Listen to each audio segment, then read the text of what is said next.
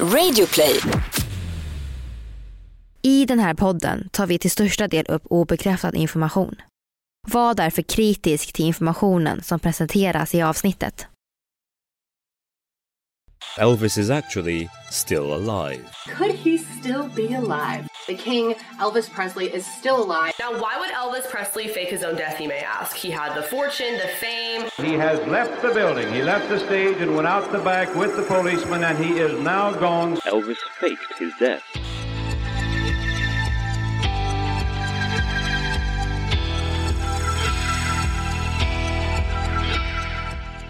Ni lyssnar på Konspirationsteorier, en podcast med Vivi och Aida.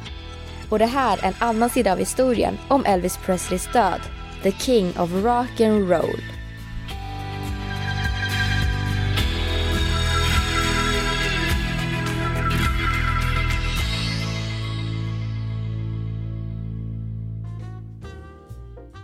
Det är mitt på dagen den 16 augusti 1977.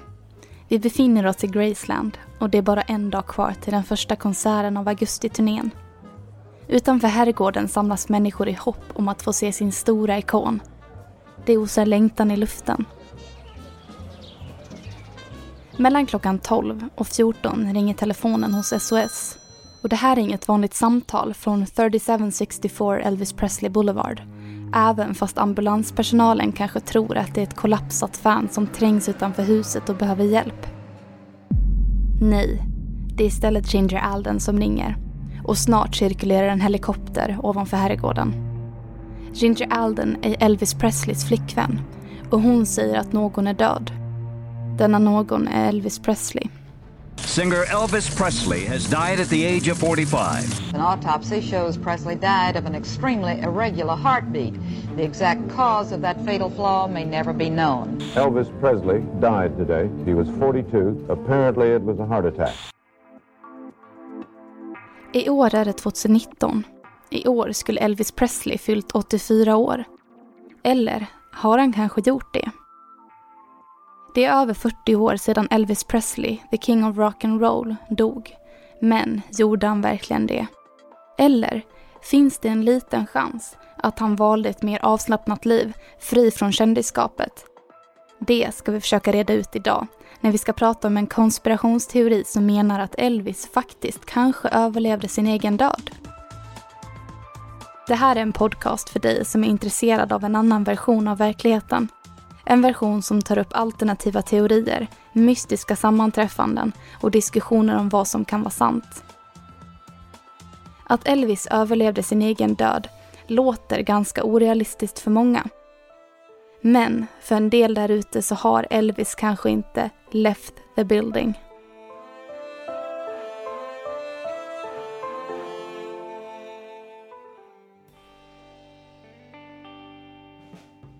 Scenen den 16 augusti 1977, den dagen då han dog, har många frågor ställts angående Elvis. Inte bara om vem han egentligen var bakom rampljuset, inte bara om hans musik eller om hans familj, utan också om hans död. Den dagen Elvis lämnade oss var många förtvivlade. Hans plötsliga avlidande kom från en dödlig kombination av receptbelagda läkemedel och det blev en stor förlust för både hans anhöriga och den övriga världen. I många dagar dominerade Memphis egna rock'n'roll-ikon Elvis media och fyllde staden med många människor som alla var lika uppgivna. Men för att kunna gå till botten med vad som verkligen hände och varför så måste vi först och främst ta reda på vem mannen med de vita glittriga overallerna och de kontroversiella dansstegen var. Elvis Aaron Presley föddes den 8 januari 1935 i Mississippi. Han blev familjens enda barn eftersom hans tvillingbror Jesse dog vid födseln.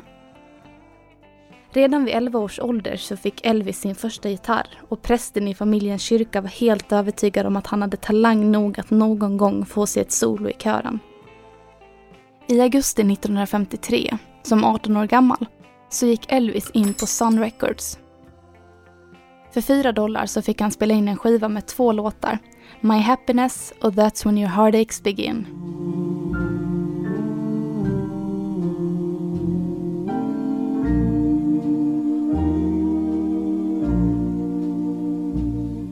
When you find your sweetheart in the arms of a friend.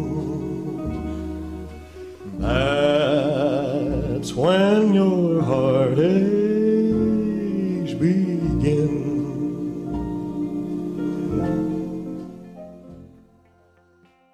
Publiken fullkomligt smälte när Elvis stod på scenen. Han hade skapat sig ett stort namn som rocksångare och han var både utmanande och sexig med sina vickande höfter. Som 22-åring köpte Elvis herrgården Graceland. Idag är Graceland ett museum och det näst mest besökta huset efter Vita huset i USA. Men då, år 1957, blev det Elvis hem. Året därpå blev Elvis inkallad till militärtjänstgöring. Året var 1958. Det tragiska beskedet om hans mammas död kom strax därefter och när han kom hem så spelade han inte in några nya skivor på ett tag. Men det här inledde bara en ny period i hans karriär. Han började nu istället att spela in filmer. Och snart så var Elvis den mest betalda skådespelaren i Hollywood. Han hade även gift sig med sin stora kärlek, Priscilla, och det fick snart dottern Lisa Marie Presley. Men trots de 31 filmerna han medverkade i blev han aldrig riktigt någon stor skådespelare, utan han valde till slut att återgå till musiken. År 1968 sändes tv-showen 68 Comeback Special som blev Elvis riktiga höjdpunkt och comeback till musiken. Det var hans tur nu och den riktiga vägen tillbaka till scenen. Han hade aldrig varit större. Han var nu den största rocksångaren som fanns, även fast många av hans succéer var ballader. Elvis the Pelvis, smeknamnet på ikonen, kommer snart alla ha hört. Det kom tack vare de utmanande dansstegen på scenen med svängande höfter och ett så sexigt kroppsspråk att publiken tändes upp till gränsen av eufori.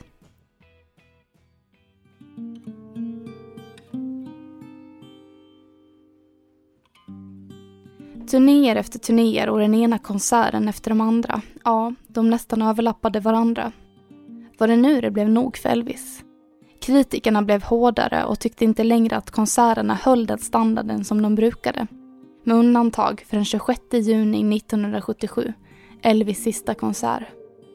Konserten blev en stor höjdpunkt och plötsligt visade Elvis energi och bjöd på en riktig show. Många konspirationsteoretiker är helt säkra på att det här beror på en enda sak. Att Elvis var säker på att det här var hans sista konsert. Nästa turné, augustiturnén, blev ju aldrig av. Stressen hade medfört krav och Elvis hade sjunkit in i ett destruktivt beteende med narkotikaklassade tabletter. Skilsmässan med Priscilla minskade inte direkt på nedstämdheten. Enligt vänner så var han fruktansvärt trött på kändisskapet och han önskade istället att han bara kunde försvinna och leva för sig själv. Enligt Elvis vän Ellen Foster så tänkte han aldrig åka på turnén i alla fall enligt vad han berättade för henne tre dagar innan turnén skulle börja. Hon fick såklart inte berätta det här för någon.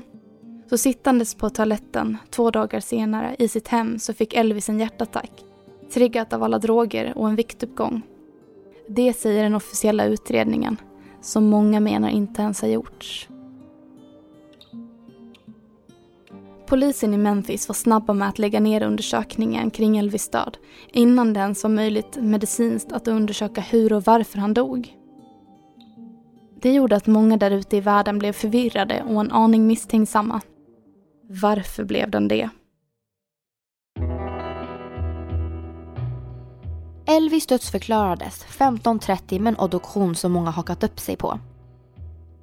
Den skrevs av någon anledning inte ner på sjukhusets blanketter utan på ett vanligt papper. Dokumenten kommer att offentliggöras först år 2027, 50 år efter hans död, enligt familjens önskningar. Men på grund av den dåliga handstilen säger många att man inte ens kan veta med säkerhet att det var just Elvis. Speciellt inte med tanke på att han var så pass oigenkännlig efter alla upplivningsförsök som pågått sedan han hittades på badrumsgolvet i Graceland. Nästa chock kom redan när familjen fick se Elvis igen. Obduktionen hade inte direkt gjort honom mer igenkännbar. Snarare tvärtom. När det var dags för begravning minskade inte omfånget av teorierna. Elvis var fortfarande oigenkännbar Visserligen var han tillfixad. Ansiktet såg faktiskt mycket yngre ut. En släkting till Elvis tog en bild på honom i kistan i smyg. Och det fotot har publicerats ett flertal gånger. Var det släktingen som först upptäckte att personen i kistan faktiskt inte såg ut som Elvis? Näsan hade en annan form, men om det berodde på adoptionen eller att kroppen inte var hans är det ingen som vet än. Även andra underligheter på begravningen uppmärksammade de som var där. Sommarvärmen hade ännu inte övergått i höstväder. Men i kyrkan var det ovanligt kyligt. Kan det vara så att kistan kyldes ner för att det låg en vaxdocka där som inte fick smälta i värmen? Om det var en vaxdocka som låg i kistan, vart var då den riktiga Elvis? Användaren Ali Hardesty, All Time Conspiracies och Kendall Ray har alla lagt upp klipp på Youtube på konspirationsteorier och på vad fans tror om Elvis begravning.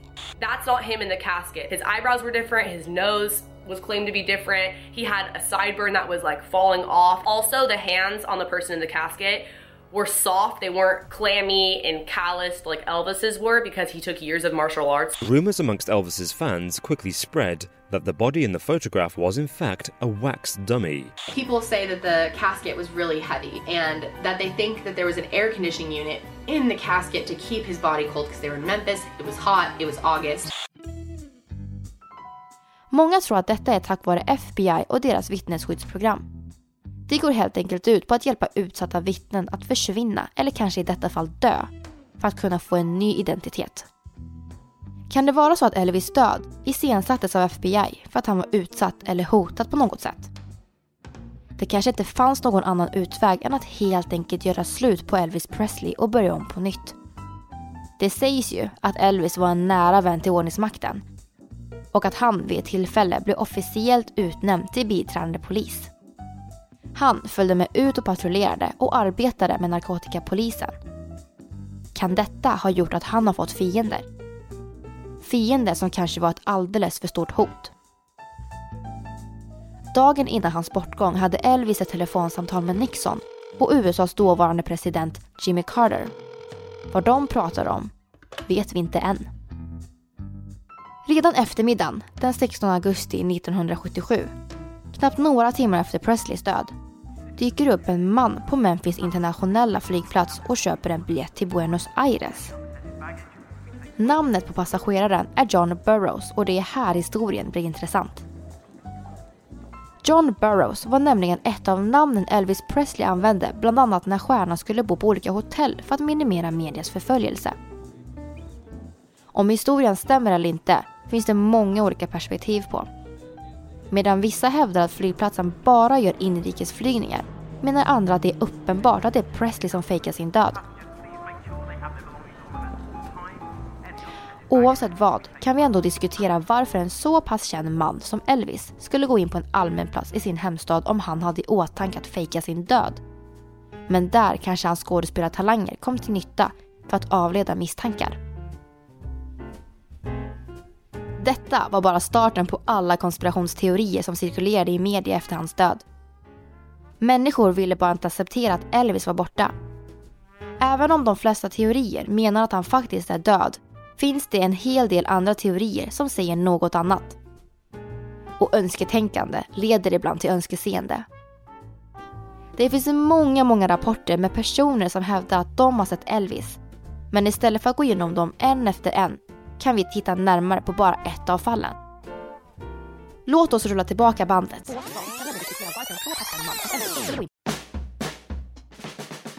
År 1972, några år innan Presleys död, dök det upp en ny skiva från Sun Records, Elvis första skivbolag, med singlarna That's Alright och Blue Moon of Kentucky.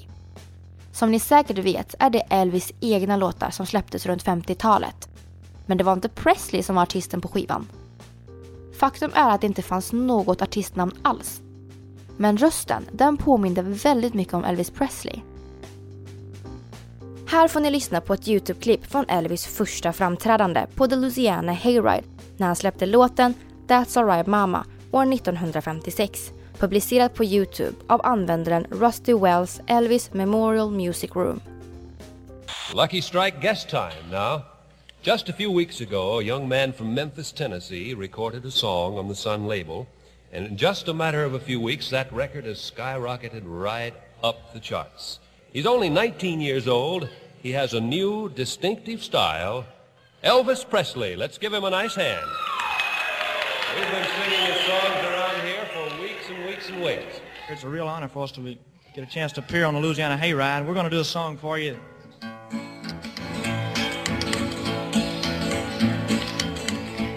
Well, that's all right, mama. That's all right with you. That's all right, mama. Just any way you do, that's all right.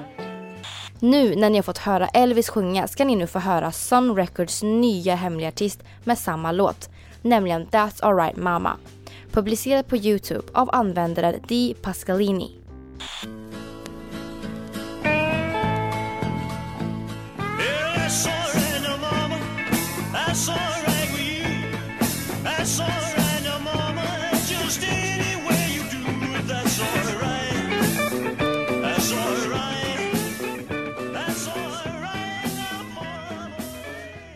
Visst låter de ändå rätt så lika? Anledningen till att människor först trodde att detta var Elvis som sjöng när låten släpptes var för att i det tidiga skedet av radion var det faktiskt väldigt svårt att höra någon skillnad alls på denna nya artist och Presley själv.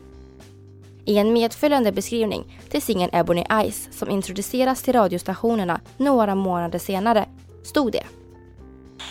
Det här kommer att ge upphov till diskussioner, lögner, rykten, spekulationer, vadslagning, vinnare, förlorare, tårar, skratt, hat och kärlek. Skickat från Sun Records där Elvis inledde karriären år 1953. Så småningom kom det fram att artisten på skivan var Jimmy Ellis. Samma man som även besökt Graceland när Presley levde. Och när Presley dog år 1977 så blev Jimmy Ellis allt mer känd, men under namnet Orion, med en mask för ansiktet. Elvis stora passion i livet var musiken och sången. Kändisskapet hade visserligen kanske blivit för mycket. Men även om han var trött på att stå framför en publik kan Elvis ha hittat ett annat sätt utan att folk visste att det var han. Det skulle inte vara lätt. Han var ju trots allt en av världens mest kända personer. Och nu kommer vi till frågan. Kan det vara så att Jimmy Ellis, eller Orion och Elvis Presley gjort en deal under hans besök på Graceland?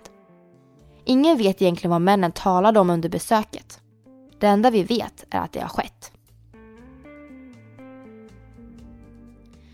Orion började kort efter Elvis död att uppträda.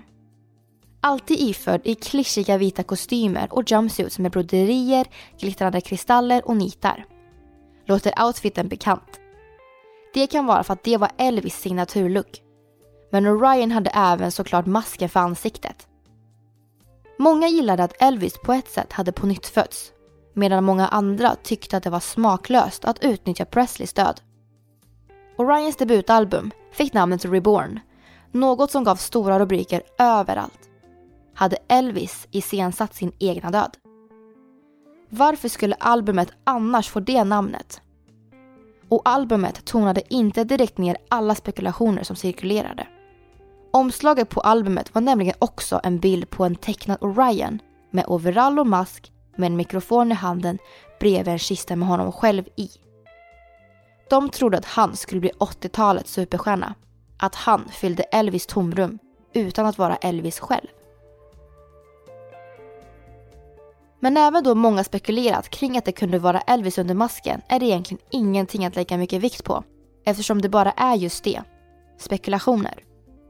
Det var Sinatra på 40-talet, Elvis på 50-talet, The Beatles på 60-talet.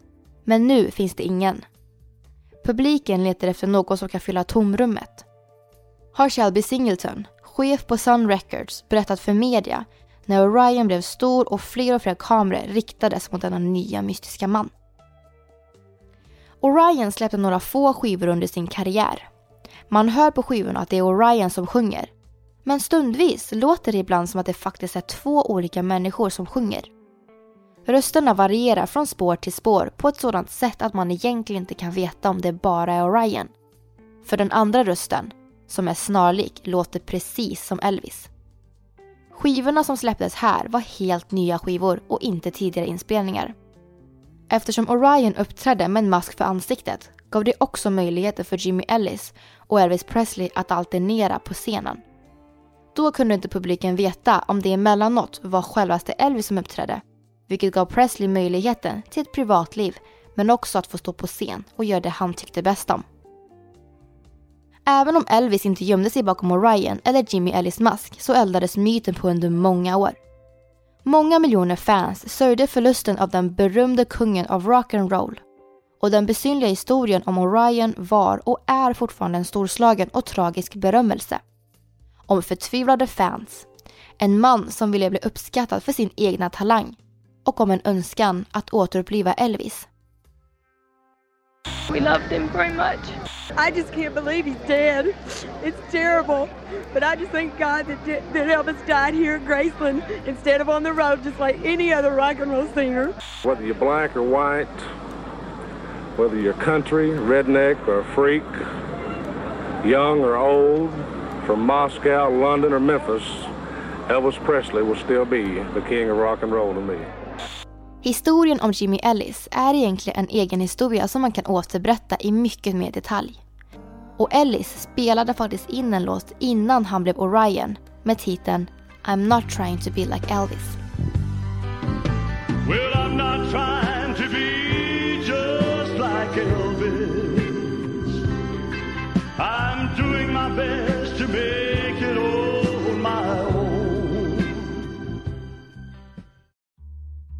Men konspirationsteoretikerna nöjde sig inte där heller. När det var känt att Jimmy Ellis karriär hade tagit ett avslut, när han hade tagit av sig masken och när människor insåg att det inte var Elvis framför dem, kom de fram till en annan spännande teori. Jimmy Ellis var otroligt lik Elvis far, Vernon Presley. Om det inte var samma person kunde de i alla fall vara släkt. Det kunde i alla fall vara förklaringen till Jimmy Ellis röst att de var bröder. Ellis adopterades vid tidig ålder och pratade egentligen aldrig om sin biologiska familj eller barndom. Och han hade aldrig något behov av att hitta dem heller. Han nämnde sin biologiska mamma Gladys några få enstaka gånger och enligt Steve Kelly, en nära vän och manager till Jimmy Ellis, så stod det på hans födelsecertifikat att namnet på hans far var Vernon. Vernon Presley och Gladys hade under tiden spenderat en viss tid i samma stad samtidigt.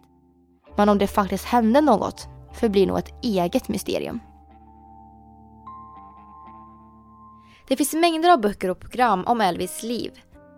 Om hans stöd, hans framgångar, karriär, familj och arv. Elvis var och är fortfarande idag en av världens största artister.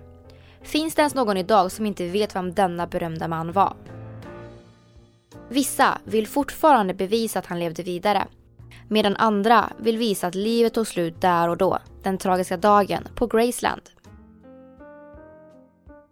Idag har ni fått höra några historier. Men frågan är om vi någonsin kommer få veta sanningen om vad som kan ha hänt.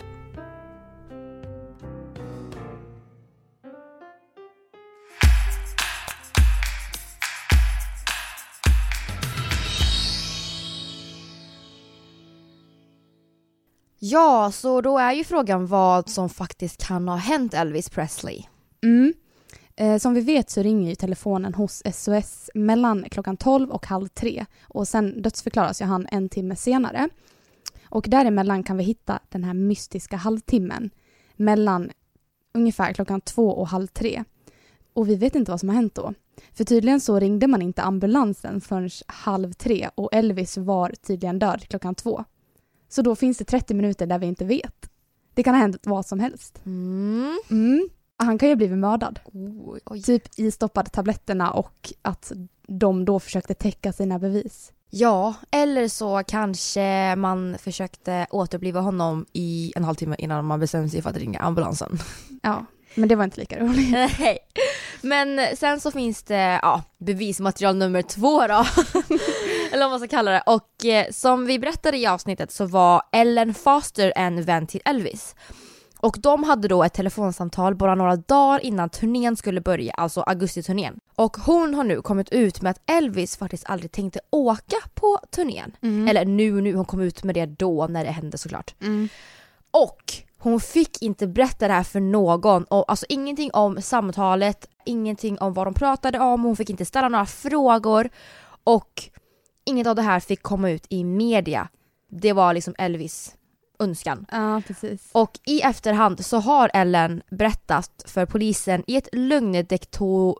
Detektor. Precis det du sa. Och hon ljög inte. Nej. Intressant. Så, ja, så det är ju lite läskigt. Men Ja. sen vet man ju inte, alltså man kan ju vara väldigt duktig på att, som Elvis var, om det här nu är sant, skådespela. Alltså, Ja, och faktiskt klara sig igenom ett lögndetektortest. Ja, eller så är det sant och han var trött på att vara Elvis. Ja. Det finns ju en teori som är lite på det här spåret. Och det är att han valde att dö den 16 augusti, den dagen han dog då. Eh, för att han var lite religiös och han trodde då också på numerologi och speciellt då den magiska numret 2001. För tydligen så älskade han en film som heter 2001, ett rymdäventyr. Inte sett. Men han brukade då inleda sina konserter på 70-talet med repliker ur just den filmen. Och det intressanta då, adderar man 16 plus 8 plus 1977, den dagen då han dog då, så får man just 2001. Kolla nu, det är ju precis som i filmen The Number 23 med Jim Carrey. Och eh, där så är, blir han helt obsessed med nummer 23. Och allting som händer i hans liv handlar om nummer 23. Mm. Så att det här kan ju vara någonting att ett fan bara shit oh my god 2001 och bara hitta på massa anledningar till att Ja. att det ska bli 2001. Men det är lite kul. Ja, och på tal om filmer så äh, finns det faktiskt väldigt många filmer, dokumentärer och serier som stödjer det faktum att Elvis skulle ha fejkat sin död. Mm. Och eh, då måste det ju vara sant, haha. Nej men Ja. då antar jag att många, många konspirationsteoretiker vill att det här liksom ska vara sant. Ja. Ja, och som jag eh, sa innan så var det ju många, många personer som hävdade att de hade sett Elvis. Mm. Och eh, detta blev då ja, typ av en trend i USA och eh, varje gång någon hade hävdat att de hade sett honom så blev det värsta headlinen där det stod Elvis sightings i tidningar. ja, precis. Och det betyder ju typ på svenska att man har fått syn på Elvis. Precis, och detta är då ett känt begrepp som syftar till konspirationsteorin och den användes i, ja men som jag sa innan, alltså i ett samband med en nyhet om att man faktiskt har hittat Elvis någonstans i USA. Och eh, den blev väldigt, väldigt känd i samband med John Burroughs när det namnet dök upp på flygplatsen då. Ja, precis. Som de också hävdar är ett inrikesflygplan. Så frågan är ju då varför skulle Elvis, om, alltså med alias John Burroughs, välja att vara kvar i staden där han dog och bara flyga inrikes till en annan, alltså såhär, annan Ja. plats eller vad blir det? Jag vet inte, för biljetten var ju till Buenos Aires. Och det, de säger ju att det inte går att flyga. Därifrån precis, så det måste Ja. vara ett privatflygplan eller någon, någon som har såhär fixat upp det. Ja, ja precis. Och eh, detta skapade ju väldigt, väldigt stora rubriker i tidningar för att ja, alla såg ju tydligen Elvis överallt. Ja, sen finns det en man som fastnade på en, jag tror det var en övervakningsfilm, för då gick han eh, och gjorde ett slags peace-tecken som tydligen be- betyder liv Mm. eh, framför örat och alltså det blev jättestort för att det var ju Elvis som signalerade liksom att hej, jag, är, jag lever. Men alltså det är bekräftat att det inte var Elvis för den här mannen har liksom, han har ju sett det här och liksom bekräftat att nej men jag är inte Elvis. Men det var ändå roligt Ja. just när det blev värsta grejen. Önsketänkande leder till önskeseende. Ja, ja, man hittar ju också en hel del personer som var väldigt lik Elvis i olika filmer. Mm. Och eh, många tror ju då att han liksom fortsatte på sin skådespelarkarriär. Men eh, det känns ju väldigt orimligt i och med att han var så pass känd och många liksom vet hur han ser ut. Ja, precis. Alltså det finns ju väldigt många människor som är lika han. Alltså Ja, vi är precis. liksom så många människor på jorden. Ja, och de säger ju då att ja, men han ställde bara upp som statist och sånt där. Men alltså, nej. Nej, jag tror inte det heller. Nej, jag tror inte det. I nästa veckas avsnitt får ni höra om månlandningen. All of the records concerning Apollo are not classified, and yet they are unavailable to the public. Why? We choose to go to the moon in this decade and do the other things, not because they are easy, but because they are hard. I don't think that we landed on the moon in 1969 or ever. We've never been to the moon. None of us have been, you know, below the surface, a certain you know, altitude.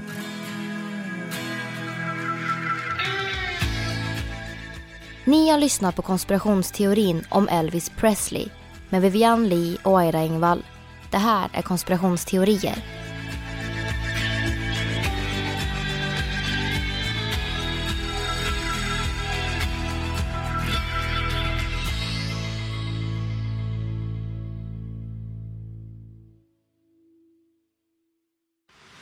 Radioplay.